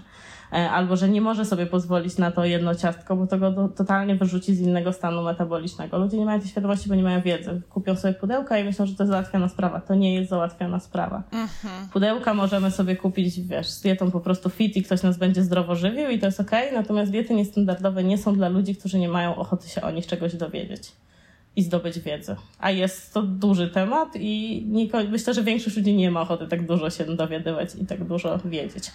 A wracając e, już do pytania stricte, tak, to był nowy start. To w ogóle było dla mnie też ogromnie zaskakujące, że moje ciało w ogóle, ja nie miałam takiego marzenia, że moje ciało do, dojdzie do takiego punktu, w jakim znalazło się na sam koniec postu Wprawdzie to oczywiście był moment, bo potem wróciła ta woda i już tak świetnie nie wyglądałam. Natomiast był taki moment na sam koniec postu, że ja naprawdę wyglądałam tak jak e, przed ciążami, więc e, to było bardzo zaskakujące i to też dawało nadzieję, że jeśli będę miała ochotę kiedyś w życiu właśnie więcej trenować, nie wiem, bardziej się na tym skupić, dzieci będą starsze, to że będę w stanie i moje ciało będzie w stanie jakby ukryć skutki ciąży, które wiadomo, że każdy ma w jakiś sposób, ale że, no nie wiem, ta skóra na brzuchu jest w stanie mi się wchłonąć, że rozstępy są w stanie być mniej, mniej widoczne niż były na tym rozciągniętym, e, na tej rozciągniętej skórze, że moja masa mięśniowa zaczyna być widoczna, ona mi nie spadła w żaden sposób, no bo jednak te treningi wykonywałam, czyli że te mięśnie dalej są i że one dalej wyglądają podobnie i że jestem w stanie gdybym chciała poświęcić czas i energię na to i miała na to przestrzeń, w tamtym momencie nie miałam aż tak dużo tej przestrzeni, ale gdybym miała w przyszłości, to że jestem w stanie wyglądać równie dobrze co wcześniej, więc to było w jakiś sposób otwierające. No i to też był nowy start, właśnie taki pod kątem e, pracy nad, nad swoją głową, też e, jakby dostrzeżenie tego, że jakby to, jak wyglądam, nie jest y, faktycznie tym, co o sobie sądzę. Czyli, że to nie wystarczy, y, nie wystarczy schudnąć, żeby czuć się lepiej ze sobą. Ja na szczęście już wtedy, jak ten post robiłam, to już byłam w dobrym miejscu, więc ja się umiałam cieszyć, e, cieszyć się tym, że wyglądam lepiej. Natomiast dostrzegłam to, że to jakby nic nie zmieniło w moim życiu. Ja schudłam, wyglądałam lepiej i czułam się fizycznie lepiej po tym poście, natomiast dalej byłam w tym samym punkcie, na szczęście już w miarę dobrym, co wcześniej. I nie byłam ani o gram szczęśliwsza, po prostu byłam tam, gdzie byłam. I to też pokazało mi, że tak naprawdę to, jak będzie wyglądać moje ciało, nie ma większego znaczenia. Ważniejsze jest to, jaką pracę w przyszłości jeszcze wykonam w swojej głowie, żeby czuć się lepiej. I że jeśli tą pracę wykonam, to czy tam będę te 5 kilo chudsza, czy 5 kilo grubsza, to nie będzie miało znaczenia, bo to nic tak naprawdę nie zmienia. Dużo ważnych rzeczy mówisz, wiesz? Y, chciałabym, żeby niektóre z nich wybrzmiały na dłużej. Słuchajcie, musimy zapamiętać, że jako ludzie powinniśmy robić rzeczy. Zamiast kombinować, to powinniśmy robić rzeczy. To jest pierwsze, co, co chciałabym podkreślić. A druga taka złota czcionka, którą wypada podkreślić, to to, że schudnięcie nie doprowadziło cię do momentu e, pełnej akceptacji, że zobaczyłaś, że to nie jest tak naprawdę powiązane. Oczywiście możemy chcieć wracać do formy, wyglądać lepiej i tak dalej, ale może się zdarzyć tak, że nawet jak dojdziemy, to no, no wiesz, nie, nie wyjdzie kurcze stado tańczących jednorożców, które rozrzucają konfetti i powiedzą, dobra, teraz się zaczyna twoje szczęśliwe życie, nie? Nie, nie ma czegoś takiego. Zdecydowanie nie. A co najlepsze, nawet jeśli przy, jesteśmy w dobrym miejscu, jesteśmy uporządkowani, to jeśli przytyjemy 5 kg czy 10 kg, to z kolei nie będzie tak, że e, przyjdą starzy, smutni e, dementorzy i po prostu zjedzą nam duszę. Nie. Jakby jeśli będziemy w porządku w głowie, to nie, naprawdę nieważne. Na, naprawdę nieważne, czy się zmieścimy w te spodnie swoje, czy się w niej nie zmieścimy, dalej będziemy szczęśliwi. Więc to działa w dwie strony schudnięcie nie spowoduje, że będziemy szczęśliwsi, ale też przytycie w momencie, kiedy jesteśmy naprawdę poukładani w głowie, nie spowoduje, że nasze życie się skończy. I to też jest moim zdaniem dobra nauka dla kobiet, które planują świadomie ciążę i boją się o sylwetkę. To jeśli poukładacie sobie na starcie w głowie, nawet bym powiedziała, że lepiej pieniądze, które byście wydały na trenera personalnego, czy, czy coś w tym stylu, czy zajęcia dla kobiet w ciąży, wydać na psychoterapię. Jeśli się poukładacie w głowie, to nieważne ile przytyjecie, ile rozstępów będziecie mieć, jak bardzo, nie wiem, będzie woleć was biust i jak y, tysiąc rzeczy po prostu złych się wydarzy. Jeśli w, w, głowie będzie w porządku, to wszędzie będzie w porządku. I ciało też dojdzie do siebie. Ja lubię sobie myśleć w ogóle o o ciąży i o wychowaniu dzieci jako o procencie naszego, naszego całego życia. Nie? Bo kiedy myślimy sobie o tym, Boże, pięć lat, nie wiem, nie jestem w formie, pięć lat karmię piersią, pięć lat, wiesz, ja też miałam takie rodzicielstwo, że dużo byłam sama, a do tego ja nigdy nie zostawiałam moich dzieci. Świadomie, mm, bo uważam, że byłam im bardzo potrzebna, też przez to karmienie, też dlatego, że zdecydowałam się na w jakiś sposób rodzicielstwo bliskości, takie bardzo świadome rodzicielstwo i trochę byłam w tym sama. E, to ja moich dzieci nie zostawiałam ani razu do chyba czwartego roku życia. W czwartym roku życia zostawiałam ich na półtorej doby dosłownie. A tak naprawdę dopiero po rozwodzie zdarzyły się sytuacje, kiedy ja ich zostawiałam na 2-3 dni. E, no bo były statą. I w tym okresie, no ja wielu rzeczy nie zrobiłam, wiesz, wiele miejsc nie pojechałam, na wiele imprez nie poszłam, zrezygnowałam naprawdę z masy rzeczy. Natomiast jeśli zastanowisz się nad tym, jaki to jest procent Twojego życia, że te 5 lat to jest na przykład 5%, no to nie będę teraz liczyć, bo mi to nie wyjdzie, ale jakiś procent, nawet 10%, czy nawet 15%, to jest tylko 15% Twojego życia, a Twoim dzieciom może to dać ogromnie dobry start. Może dać podstawy do szczęśliwego życia, może dać pełną pewność swojego rodzica i nawet jeśli na te 5 czy 10 lat poświęcisz swoją formę i będziesz grubsza i będziesz, nie wiem, gorzej jeść w skali całego twojego życia, może to w ogóle nie przynieść żadnych e, skutków. Jakby, owszem, nie jedz źle, bo 10 lat złego jedzenia to, to może przynieść skutki negatywne w przyszłym życiu, ale to, że będziesz gorzej wyglądać, czy nie będziesz umalowana, czy nie będziesz chodzić na, nie wiem, jakieś zajęcia, nawet jeśli to jest Twoją wielką pasją, bo ja tak miałam, że musiałam zrezygnować z ogromnych swoich pasji, nawet jeśli, to to jest tylko mikroprocent. I jakby przed nami jeszcze jest całe życie, w którym można dokonać różnych wielkich zmian i będzie na to czas, o ile będzie nam dane oczywiście przeżyć, ale zakładając, że będziemy żyć normalną długością życia, w zdrowiu, to mamy jeszcze mnóstwo czasu, kiedy dzieci będą starsze, żeby te wszystkie rzeczy zrobić i naprawdę nie jest istotne, czy te 5 kilo, czy 10 kilo więcej będzie nam towarzyszyć przez te 5-10 lat. Bo później mamy mnóstwo czasu, żeby być nawet chudszym i nawet w lepszej formie. I ile jest po prostu nawet na mojej siłowni kobiet w wieku 60, plus, które po prostu wyglądają jak takie fitnesski, że wow, nie? Bo mają już na to czas, mają na to przestrzeń, mają inne karty i tymi innymi kartami grają. W tym momencie swojego życia na przykład ja miałam takie i gram takimi, jakimi miałam. I teraz gram takimi, jakim mam i to wszystko się klei. jakby jeśli masz taką świadomość w sobie, że to jest ok, że to wszystko naprawdę jest ok i każdego to spotyka i że to jest mały wycinek twojego życia, to da się z tym łatwo pogodzić. Bliskie jest, mi jest bliskie to, co mówisz, i ja też, też to wiem od ciebie. Kiedyś trafiłam u ciebie na takie story, gdzie pisałaś o tym, że właśnie dzieci są takim wycinkiem w naszym życiu i że to nie zostaje na stałe z nami, że te pierwsze trzy lata życia nie no tak już potem nie jest, nie? Nigdy. Nigdy nas tak nie będą aż bardzo potrzebować, my też nie będziemy się aż tak poświęcać jak w tych pierwszych latach życia. I nie powiem, że dla mnie to też było otwierające, bo ja się często zmagałam właśnie z takim zakręceniem się, że kiedy, kiedy będzie lepiej, kiedy będzie inaczej, kiedy będę mogła, a kiedy przestawiłam to na, to na myślenie, o którym mówisz, czyli teraz jest tak, jak jest, ty się naucz to rozgrywać, to o wiele, o wiele lepiej zaczęło mi się żyć z taką świadomością. Także polecam, polecam, bardzo, bardzo ważny temat podjęłyśmy teraz. Cieszę się, że coś ode mnie wyciągnęłaś przez te lata. Oj, bardzo dużo, bardzo dużo. A jakbyśmy zaczęły gadać jeszcze, co, co, co tak pozytywnie na mnie wpłynęło, to byśmy nie, nie skończyła. Ja mam tu jeszcze do ciebie kilka To musimy pytań. kolejny odcinek zrobić. No, nie, nie, ma, nie ma innego wyjścia. Ale jesteśmy już w tym momencie, gdzie dzieci są troszeczkę większe. Jesteśmy w momencie, kiedy jesteś y, poukładana gdzieś tam i ze swoją sylwetką, i ze swoją dietą, już dawno wróciłaś do pracy, ale przychodzi kolejny boom. Pojawia się rozwód na horyzoncie.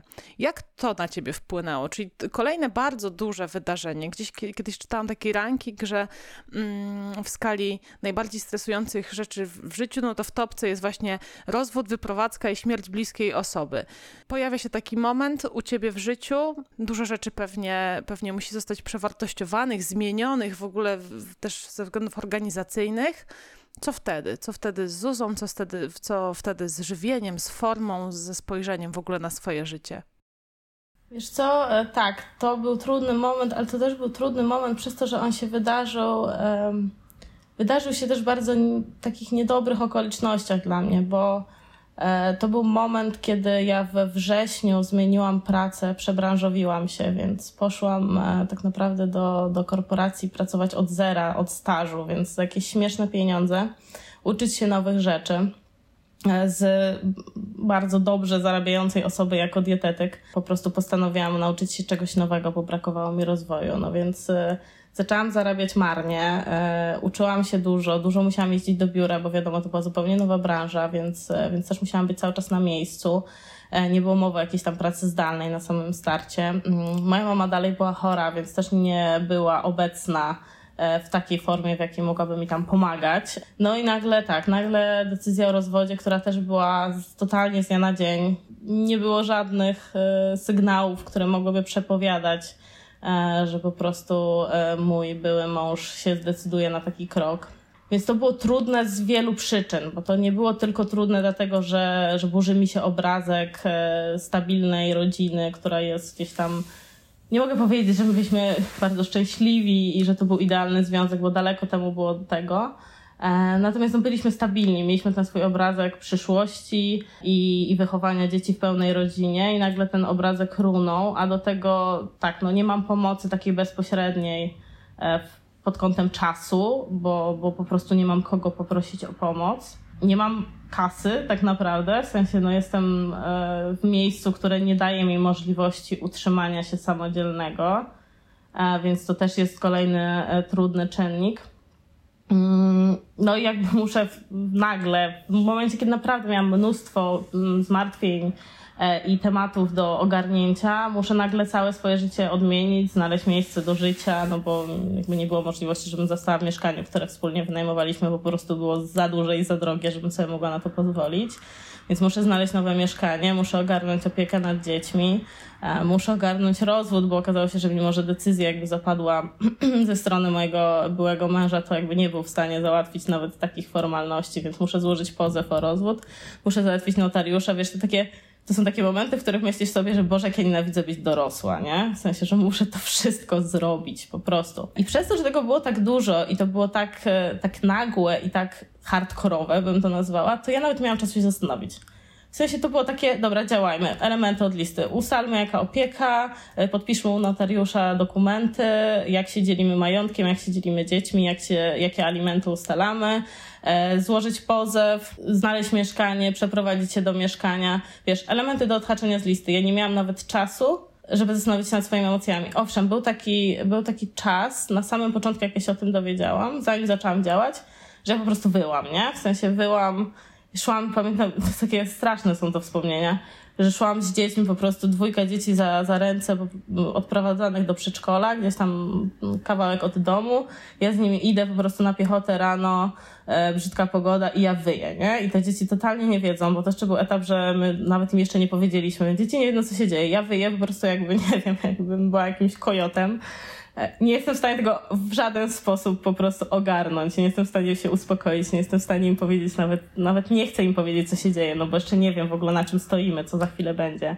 Więc po prostu chodzę i wyję. I pamiętam, to, to były takie tydzień czy dwa, po prostu, że ja chodziłam i wyłam. I, nie wiedziałam w ogóle, co dalej. Natomiast później, e, no to też było związane z tym, że ja czekałam w jakiś sposób na decyzję mojego byłego męża, bo on też mnie wstrzymywał. Najpierw powiedział, że się rozwodzimy, potem powiedział, że musi zastanowić.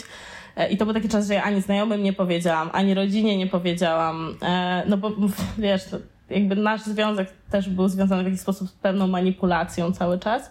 Więc sądziłam, że to jest jakaś forma manipulacji, że ja poczekam, on mi za tydzień powie, że nie, dobra, myliłem się, tylko nie wiem, chcę pojechać gdzieś albo coś zrobić, że po prostu coś tam ma jakiś, jakiś to skutek wywołać. Więc ja wtedy nikogo, nikomu nie mówiłam, byłam totalnie sama, wyłam. Dzieciom nie mówiłam, no bo myślałam, że to się nie, za, nie zadzieje. Natomiast później, jak już dostałam to potwierdzenie, że jednak ten rozwód będzie, no to zaczęły się te elementy z listy i ja totalnie, co było bardzo złe, ale było niezbędne, e, nie dopuszczałam w ogóle do siebie emocji, nie? Po prostu jechałam z tym koksem, z tym, co trzeba było zrobić, leciałam i odhaczałam elementy z listy. Natomiast później, jak już się udało mi zorganizować całe to swoje życie, przeprowadziłam się, usiadłam na własnej kanapie.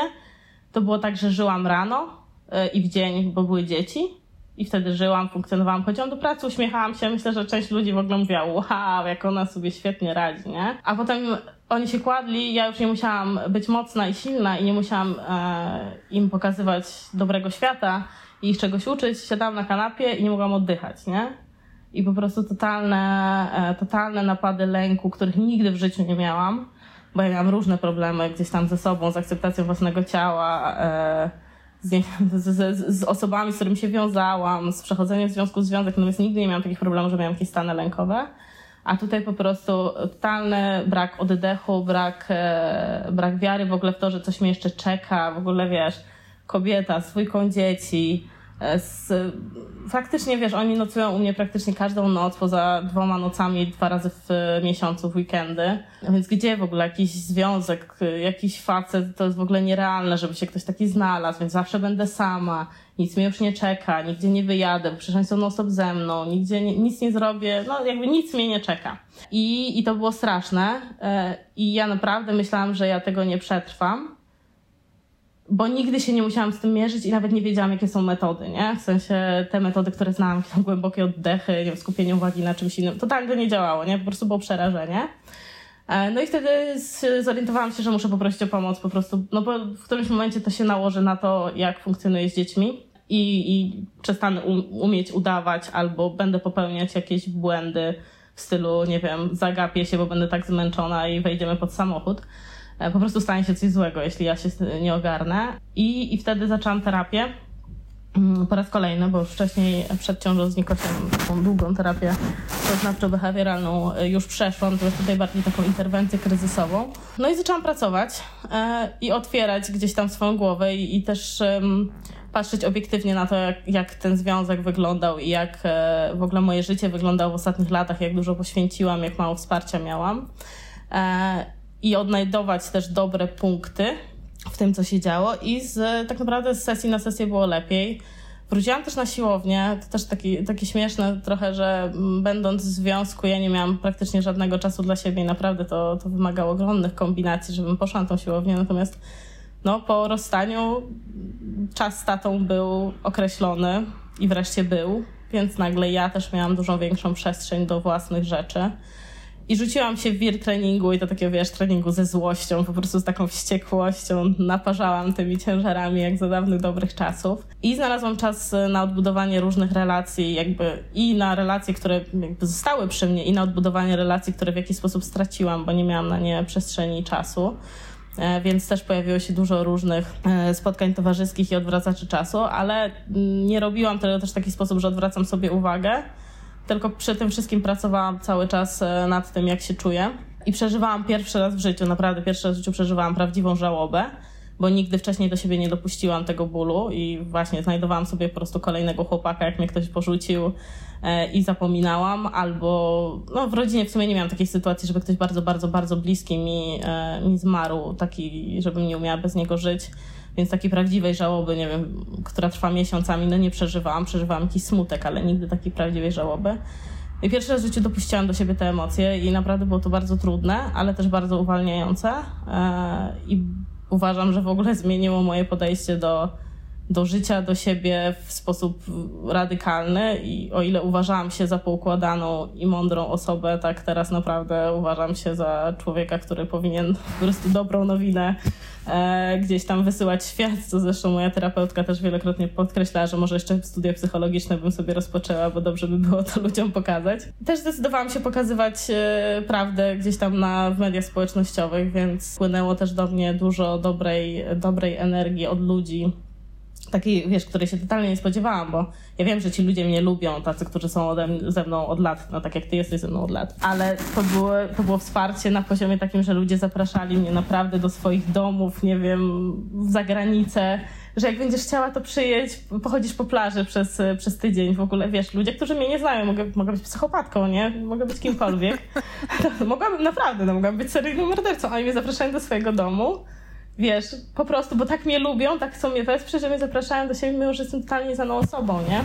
Parę dziewczyn wysłało mi jakieś książki dotyczące takich tematów, które uważały, że mnie dotyczą i dotyczyły w tej relacji.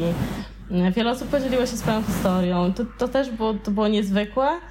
To taka, taka prawdziwa siła kobiet i cały czas to odczuwam, e, mimo że już minął grubo ponad rok od, od tego rozstania. No i e, to wszystko spowodowało, że że to przeżyłam, nie? Że były takie, po prostu były takie magiczne momenty. Pamiętam w marcu, chyba w marcu, albo jeszcze w lutym, był taki moment, że e, po tych wszystkich tam przepłakanych nocach i w ogóle był weekend, że nie miałam dzieci, wyszłam, kupiłam sobie tulipany i świeciło słońce, wiesz, pierdoła. Świeciło słońce i kupiłam tulipany, nic niezwykłego. A ja poczułam takie wielkie, wielkie szczęście, nie? Po prostu w samym środku siebie. Powiedziałam sobie, dobra, minął kolejny etap, nie? Jakby jesteś gotowa, żeby być szczęśliwa. No i od wtedy tak naprawdę to już było tylko budowanie, budowanie swojego szczęścia, budowanie, e, budowanie relacji z ludźmi. W międzyczasie no, znalazłam partnera, też okazało się, że są ludzie, e, którzy są w stanie podjąć się tak trudnego zadania, e, jakim jest dołączenie do trzyosobowej rodziny i że mogą to zrobić naprawdę, naprawdę dobrze i na poziomie biologicznego ojca albo lepiej. Więc naprawdę to jest potwierdzenie tego, co mówiłam wcześniej. Jeśli poukładasz sobie w głowie, to nie będzie rzeczy, która, która cię zniszczy, nie? I teraz jakby nieważne, już, już wcześniej byłam na etapie, że ma bardzo mało było mnie w stanie zniszczyć, bo już też byłam po tej terapii i tak dalej, bo całe moje macierzyństwo już jest po terapii. Ale teraz, kiedy już naprawdę uważam, że już chyba więcej nie mam do zrobienia pracy, nie? Ewentualnie jakieś tam e, drobne elementy, e, które bym chciała w sobie zmienić, nie wiem, w podejściu do innych ludzi, w sposobie rozmawiania. No są jeszcze różne rzeczy, nad którymi wiem, że muszę pracować. Natomiast jakby ja ze sobą, nawet wczoraj to właśnie mówiłam mojemu partnerowi, że pierwszy raz w życiu jestem w momencie, kiedy mi tak wszystko pasuje, nie? Ale tak naprawdę, tak totalnie, ja już nie muszę się w ogóle zastanawiać, nie? Czy, czy trzeba by było ograniczyć węglowodany, czy nie? Czy trzeba zrobić dodatkowy trening? Jest super, nie? Jest naprawdę super. Ale to jest pierwszy raz w życiu po tej całej pracy, jest to na pewno też związane z nim i z tym po prostu jaką gdzieś tam miłością mnie darzy i zachwytem, co też zdarza mi się pierwszy raz w życiu, żeby ktoś tak zdrowo mnie kochał. Ale, ale faktycznie, jeśli poukładamy sobie w głowie, to już nic nie będzie problemem, nie? Tylko naprawdę to jest droga, która jest wymagająca i mówię, muszą być chyba do niej trudności, bo ja sobie nie wyobrażam, żebym przeszła przez coś takiego, w sensie takie zrozumienie swoich emocji, siebie, przyznanie się do wielu błędów, przyznanie się do tego, że robiłam złe rzeczy, głupie rzeczy, że nie, nie zawsze byłam w porządku. Nie zrobiłabym tego, gdyby było mi lekko i łatwo, nie? Z tego wszystkiego, co powiedziałaś, mam wrażenie, że mimo dużej ilości cierpienia i dużej ilości takich złych rzeczy, które się e, wydarzyły, to wyszłaś z tego o wiele silniejsza i o wiele bogatsza. Czy dobrze rozumiem? Czy dobrze to postrzegam? Dobrze to postrzegasz jak najbardziej. E, ja naprawdę uważam, że trudności kształtują człowieka i naprawdę jestem dumna z miejsca, w którym się znalazłam po tym wszystkim. jasne, to boli, to jest trudne. Myślę sobie, że są ludzie, którzy mają jeszcze dużo trudniej, tak? No, bo to, no to są graniczne doświadczenia, ale są inne, które, o których prawdopodobnie jest dużo trudniej zapomnieć. E, ja się poukładałam powiedzmy w ciągu ośmiu miesięcy. Myślę sobie, że po takich doświadczeniach jak, nie wiem, strata dziecka, czy, e, czy kogoś bardzo ważnego z rodziny, rodzica, e, rodzeństwa, bo to są pewnie żałoby, z których się nie wychodzi latami, jeśli w ogóle się z nich kiedykolwiek wychodzi, więc mogę mówić tylko o tych swoich trudnościach, które koniec końców po fakcie wydają się nie aż tak wielkie, jak, jak wydawało mi się, kiedy to się działo, ale uważam, że naprawdę każdy, każdy człowiek, taki naprawdę wartościowy, którego spotykałam na swojej drodze, taki, z którym czułam po prostu porozumienie dusz, to zawsze był człowiek, który coś przeżył. E, nie ma, uważam, na tym świecie prawdziwie wartościowych, mądrych, poukładanych ludzi, którzy nie przeżyli trudności, bo tylko przeżywanie trudności i, i budowanie siebie w trudnych okolicznościach i zmierzanie się też z sobą i, i stawia, stawanie naprzeciwko siebie i stwierdzanie, czy w ogóle to, co robiliśmy w życiu dotychczas miało sens, czy nie miało sensu, czy robiliśmy dobrze, czy źle, dopiero to można doprowadzić do takich naprawdę poważnych e, wniosków na swój temat i na temat w ogóle funkcjonowania świata i tylko to jest w stanie doprowadzić nas do tego, żeby stać się naprawdę ciekawymi osobami. E, owszem, to może pójść w drugim, w drugim kierunku i po takich trudnościach możemy też zaszyć się w domu i mieć ciężką depresję, czego nikomu nie życzę. Mm, też znam ten temat z bliska, więc więc nikomu bym nie życzyła takiego rozwoju sytuacji, dlatego to też podkreślam niejednokrotnie w swoich social mediach. Jeśli jest moment, w którym wiemy, że nie damy już rady samemu, to po prostu należy poprosić o pomoc, żeby w takim kryzysowym momencie nie pójść w tą, tą złą ścieżkę, w tą, w tą ścieżkę, która doprowadzi nas do, do zniszczenia, do, do tego, że po prostu e, nasze życie w jakiś sposób straci wartość, dlatego że ktoś zrobił nam krzywdę, czy dlatego, że po prostu spotkały nas trudności wtedy warto poprosić o pomoc i wtedy warto pracować nad tym, żeby zbudować to, to własne szczęśliwe miejsce w swojej głowie i wtedy żadne okoliczności wokół no, nie będą w stanie na to wpłynąć. I wtedy już, jeśli już tą pracę raz wykonamy i będziemy podsycać ten ogień miłości do siebie samego e, w sobie, to jestem zdania, że nie wiem, teraz gdyby mi się zdarzyło kolejne rozstanie, kolejna jakaś bardzo trudna sytuacja, nie wiem, kolejna diagnoza dziecka, ja już po prostu działam, ja już idę po swoje. To nie jest już w stanie zniszczyć w żaden sposób mojego poczucia własnej wartości, e, mojego dobrostanu. To wiadomo, zawsze boli i to będzie boleć. Ja nie powiem, że jakbym się teraz rozstała z moim partnerem, to by mnie nie bolało, bolało mnie przestraszliwie. Myślę, że dużo, może nawet dużo bardziej ze względu na to, jaki jest to poziom relacji. Ale ja wiem, żeby mnie to nie zniszczyło. Po prostu ja wiem, że już na tym etapie pracy, którą włożyłam w siebie, już nic nie jest w stanie mnie zniszczyć mnie jako mnie w mojej głowie.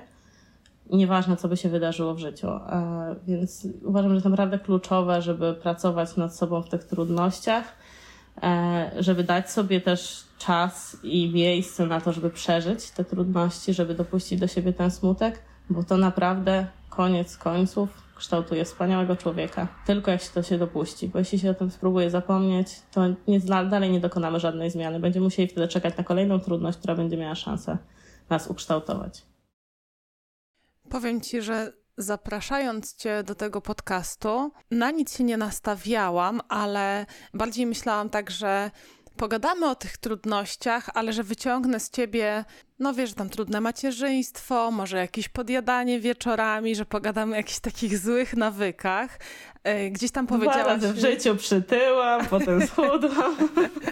tak, że tutaj przeszłyśmy przez to gładko, ale dzięki temu, że te tematy tak się rozwinęły gdzie indziej, wyszła nam przepiękna rozmowa o samoakceptacji i, i cieszę się, jestem Ci bardzo wdzięczna za to, że byłaś z nami mm, taka szczera. Tutaj w ogóle nie miałam, nie miałam żadnych wątpliwości, że będziesz, bo też już trochę Cię obserwuję, wiem jak, jak w jaki sposób się wypowiadasz I też Twoja szczerość sprawiła, że ja stałam się Twoją obserwatorką kilka lat temu, kiedy wzięłaś telefon i nagrałaś Instastory, że no, rozstawałam się z moim partnerem, ale okazało się, że jestem w drugiej ciąży i jesteśmy dalej razem. I myślę sobie. E, pierwszej, wow. pierwszej. Tak? To, to pierwszej, tak, bo my się, tak, bo my się rozstaliśmy i jak już ze sobą chyba z miesiąc nie rozmawialiśmy, to w ogóle była to tak harlekinowa historia, bo mieliśmy datę ślubu chyba za tydzień ja poszłam do ginekologa, wtedy miałam tą diagnozę bezpłodności. Opowiem tę historię, bo ona jest po prostu tak zabawna i tak harlekinowa, że jakby niezależnie od tego, że nasze małżeństwo się skończyło, po prostu jest i świat powinien ją usłyszeć.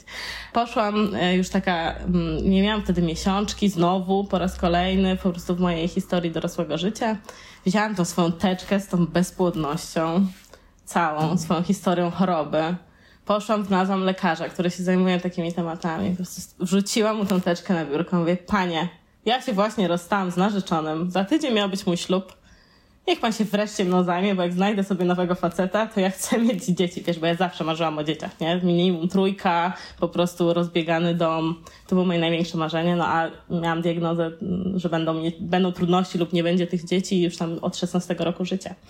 E, więc ja rzuciłam mu tą teczkę. Mówię, pan się mną zajmie wreszcie, bo już nikt mi nie chce pomóc. Mówię, dobra, dobra pani, usiądzie na USG, sprawdzimy. No ja usiadłam na to USG. Przypomnę, tydzień do ślubu, który został odwołany, bo się rozstaliśmy. A on mi mówi, no to gratuluję, trzeci miesiąc. Więc dowiedziałam się o swojej ciąży nie robiąc test, będąc w domu, tylko widząc od razu serce mojego dziecka e, na USG, od miesiąca nie rozmawiając z jego ojcem. będąc w ogóle w jakimś punkcie, który, który totalnie, już właśnie wtedy miałam, byłam w terapii, bo ja po tym rozstaniu uznałam, że albo biorę w całe oszczędności i jadę na Malediwy, albo na terapię. Uznałam, że pójdę na terapię, bo to więcej wniesie. Więc w ogóle w środku terapii, zaryczana co tydzień po prostu po tym rozstaniu, po tym wszystkim. I nagle gratuluję trzeci miesiąc. No, więc y, moje życie zawsze obfitowało w ciekawe sytuacje. I tak, tak, mówiłam o tym, bo to jest bardzo śmieszne, no, suma summarum. Jakby też ja byłam bardzo dumna z tego, że my z tego wyszliśmy, bo miałam takie poczucie, że no to się mogło skończyć różnie. Mm, nie wiem, on mógł uznać, że to nie jego dziecko, albo e, mógł powiedzieć, dobra, ale nara w ogóle, to ty, bo ja się z nim rozstałam wtedy, więc ty mnie rzuciłaś, to w ogóle ja się do niczego nie poczuwam, nie? Ale my skleiliśmy jakoś to, wzięliśmy ślub. Zdecydowaliśmy się świadomie już na drugie dziecko. Więc miałam takie poczucie, że wow, dokonaliśmy tego, nie? Mimo, że, że to było trudne i wymagało jakiejś tam pracy. Uważam teraz po fakcie, że po prostu nie wykonaliśmy tej pracy w dobry sposób i, i jakby nie wróciliśmy do siebie odpowiednio, ustalając jakieś reguły, zasady, nie pracując, nie rozmawiając, nie wiem, mogliśmy pójść może na jakąś terapię. No ale przetrwaliśmy to, ja byłam tego bardzo dumna, dlatego też jak otwarcie o tym mówiłam, że no się rozstaliśmy, ale wróciliśmy do siebie, no bo wow, jesteśmy fajnym związkiem. No niestety później okazało się, że, że nie jesteśmy tak fajnym, jak mi, mi się może wydawało, albo po prostu te trudności nas pokonały. Ale tak, no to była ciekawa historia. Więc e, jestem w ogóle zaskoczona, że ty pamiętasz takie wątki. Mam bardzo złą pamięć. Ja mam taką pamięć, wiesz, że obejrzę zdjęcie i, i sobie coś przypominam, natomiast totalnie nie pamiętam kom, kogo, dlaczego zaczęłam obserwować na przykład, więc jestem bardzo pozytywnie zaskoczona tym, że ty pamiętasz dokładnie, mm -hmm. kiedy zaczęłaś mnie obserwować, albo co mówiłam w sytuacji postu. To jest bardzo miłe w ogóle, że ludzie wiesz nie pamiętają. Zapamiętujemy właśnie rzeczy, jeżeli jest z nimi związany jeszcze jakiś ładunek emocjonalny, a że ty jakby podzieliłaś podzieliłaś się dużą historią, która, wiesz, w jakiś sposób wyrezonowała, to pewnie stąd to pamiętam. Podobnie jak przy, przy tym poście, e, kiedy gdzieś tam otworzyło mi to oczy, że nigdy nie pomyślałam o, o tej drugiej stronie. I podobnie jak przy tych ćwiczeniach w domu z dziećmi, kiedy sama byłam w punkcie, że plułam sobie w brodę, ile ja bym mogła zrobić, gdybym nie była mamą, a, a patrzyłam na ciebie i wiesz, w jaki sposób generowało to moje emocje, dlatego to za, e, zapamiętałam. Niemniej właśnie, e, dziękuję ci za tą szczerość, za szczerość, którą reprezent, reprezentujesz i pokazujesz i dzielisz się tą szczerością e, u siebie w mediach, ale dzisiaj nie pożałowałaś nami ani troszkę e, w tym podcaście. I mam taki niedosyt, bo wiem, że musimy kończyć kończyć, ale mam ogromny niedosyt i jeszcze bym z tobą porozmawiała. Dasz się namówić na drugą część? Dam się namówić na drugą część. Ile będziesz chciała? Ja lubię rozmawiać. A jeśli komukolwiek, jakkolwiek miałby to w czymkolwiek pomóc, e, czy miałby znaleźć siłę, to, to jak najbardziej jestem za, nagrywajmy. Co byś dzisiaj powiedziała kobietom, które wysłuchały naszej rozmowy i gdzieś tam się z nią utożsamiały albo z Twoją historią, albo w ogóle z Twoją osobą? Czy jest jakaś wiadomość, którą byś chciała po prostu zostawić? Wiesz co, to jest takie hasło, które, które mi przyświeca już od jakiegoś czasu i za każdym razem, jak czuję napięcie w sobie, to sobie to powtarzam w głowie albo na głos. E, to jest, rzeczy się dzieją. Po prostu. Rzeczy się dzieją. Różne rzeczy się dzieją. Z różnymi rzeczami w życiu będziemy mieli okazję, przyjemność lub nieprzyjemność e, się stykać, ale one po prostu się dzieją. One się dzieją, przemijają i nie muszą mieć żadnego wpływu na to, co sobie myślimy. Czyli to, że zacznijmy może ode mnie, powiem coś głupiego. Kiedyś, e, a zdarzają mi się często te sytuacje, bo jestem właśnie bardzo szczera i, i przez to często zdarza mi się e, nie powiedzieć coś niemiłego dla kogoś, ale powiedzieć po prostu swoją opinię w sposób, która może być dla kogoś nie wiem, nieprzyjemna, czy może ją opacznie zrozumieć, albo po prostu czasem mam poczucie, że powiedziałam za dużo. Kiedyś bym obracała każde zdanie w głowie 10 tysięcy razy bo jestem perfekcjonistką, bo, e, bo jestem bardzo osobą też taką wrażliwą, empatyczną, nie chcę ludziom sprawiać przykrości, zawsze chcę, żeby wszyscy wokół mnie najlepiej, jak się da. E, I bym myślała, i bym się obwiniała, i bym sobie myślała, Boże, ty głupia idiotko, po prostu znowu coś powiedziałaś, nie? Znowu coś walnałaś. Teraz myślę sobie, Zuzia, jakby powiedziałaś, stało się, nie? Możesz naprawić, nie możesz, okej, okay. no, no to nic nie zrobisz, nie? Jak nie możesz już, możesz to oczywiście wyjaśnić, ale jeśli nie ma takiej możliwości, no trudno, no, rzeczy się dzieją. E, czy jeśli ktoś powie mi coś nieprzyjemnego, albo ktoś zrobi wobec mnie coś nieprzyjemnego, e, z kim się pokłócę, ktoś, e, nie wiem, będzie próbował wpłynąć negatywnie na mój nastrój, myślę sobie, rzeczy się dzieją, ludzie są jacy są, jakby, możesz coś z tym zrobić? Nie możesz. No to trudno, ludzie tacy są, rzeczy się dzieją to mi bardzo pomaga. Mm, tak e, po prostu to jest takie hasło, które, które wali w, moim w mojej głowie i nie pozwala mi zboczyć na te ścieżki, na które kiedyś zbaczałam za często, czyli właśnie rozkminianie, e, tworzenie alternatywnych scenariuszy rzeczywistości, e, myślenie, co by było gdyby. Ja już po prostu takie rzeczy nie robię, bo wiem, jak one negatywnie wpływają na moją głowę i w praktyce zwykle się nie sprawdzają, w sensie zwykle się okazuje, że te wszystkie alternatywne scenariusze w ogóle nie są prawdą. E, a co by było, gdyby nie ma sensu, bo i tak to się już nie wydarzy drugi raz. I naprawdę to hasło po prostu pozwala mi się zatrzymać. To jest taki mój, moja kotwica. Jak cokolwiek się zaczyna dziać takiego, co wiem, że mi nie posłuży, to myślę, dobra, Zuzia, rzeczy się dzieją. Trudno. I to pomaga. I nie wiem, czy ktoś z tego skorzysta, ale tak jak trzeba robić rzeczy jest ważnym hasłem, tak myślę, że to, że rzeczy się dzieją jest ważnym hasłem. Bo może naprawdę nie przewidzimy naszej przyszłości ja też nie przewidywałam tego, co, co się stanie w ciągu ostatniego roku, totalnie. I tych dobrych, i tych złych rzeczy, bo żadnych z nich nie byłam w stanie w ogóle przewidzieć i pomyśleć sobie, że coś takiego na mnie czeka. Więc musimy być przygotowani na to, że tak naprawdę jedyną pewną rzeczą w naszym życiu jesteśmy my. Bo tylko my ze sobą będziemy od urodzenia do śmierci. Tylko my będziemy swoim towarzyszem, niezależnie od tego, ile głupot walniemy, ile złych rzeczy zrobimy, kogo zawiedziemy. My ze sobą będziemy zawsze. Więc to my jesteśmy tą osobą, którą należałoby otoczyć największą opieką. I jeśli ona będzie otoczona opieką, to wszyscy wokół na tym skorzystają. I to myślę, że jest kluczem do dobrego, szczęśliwego życia. Nie powiem, że najpierw my, potem wszyscy inni, bo w ogóle taka nie jestem. E, ale w, pewnie w idealnym świecie tak powinno być. Mm. Natomiast na pewno zajęcie się swoją głową jest kluczowe do, do tego, żeby po prostu wszyscy wokół na tym skorzystali, żeby budować szczęśliwe, dobre relacje, żeby w prawidłowy sposób wychować dzieci na szczęśliwych, pełnych e, miłości do siebie ludzi. To jeśli my tego nie będziemy reprezentować, wiem, bo wiem, jak, e, jak wyglądało moje dzieciństwo. Mm, mimo mm, wspaniałych e, rodziców, to jednak mocno odczuwałam jakieś problemy z poczuciem własnej wartości, na przykład, które miała moja mama I wiem, że to na mnie e, wpłynęło i na to, jak postrzegałam siebie, to jak ona postrzegała siebie i w jaki sposób o sobie mówiła, e, czy później o mnie mówiła, mimo że na pewno nie było żadnych złych intencji w niej. Dlatego staram się jakby moim dzieciom dać naprawdę taką pełną wsparcia, miłość bezwarunkową, pełną akceptacji, niezależnie czy mój syn chodzi w kolorowych spineczkach i bransoletkach, czy ten drugi po prostu chodzi bez majtek E, to oni wiedzą, że nieważne co, co zrobią, kim będą, z kim będą, jacy będą i czy będę ich odbierać z posterunku policji, to ja ich zawsze w 100% akceptuję e, i że są naprawdę okej okay, tacy, jacy są, nie? Z tymi wszystkimi swoimi trudnościami innościami, szczególnie ten starszy, no bo wiadomo, że zespół Aspergera zobowiązuje do pewnych inności, to niezależnie co oni tam w sobie, w sobie mają, co mi się może podobać lub nie podobać, to ja to akceptuję, nie? Ja to kocham na 100%, ja to wspieram i bądźcie jacy, jacy chcecie być, nie? Ale to mi daje to, że tą możliwość kochania bezwarunkowego i zgodzenia się nawet na rzeczy, które, które mi się jakby nie podobają. Wiem, że będę miała trudności z tego względu, że to się dzieje. A to pozwala to, że ja jestem w zgodzie ze sobą. Bo gdybym nie była, to bym próbowała ich obrócić na pewnie swoją modłę, zrealizować jakieś swoje ambicje przez nich i tak dalej.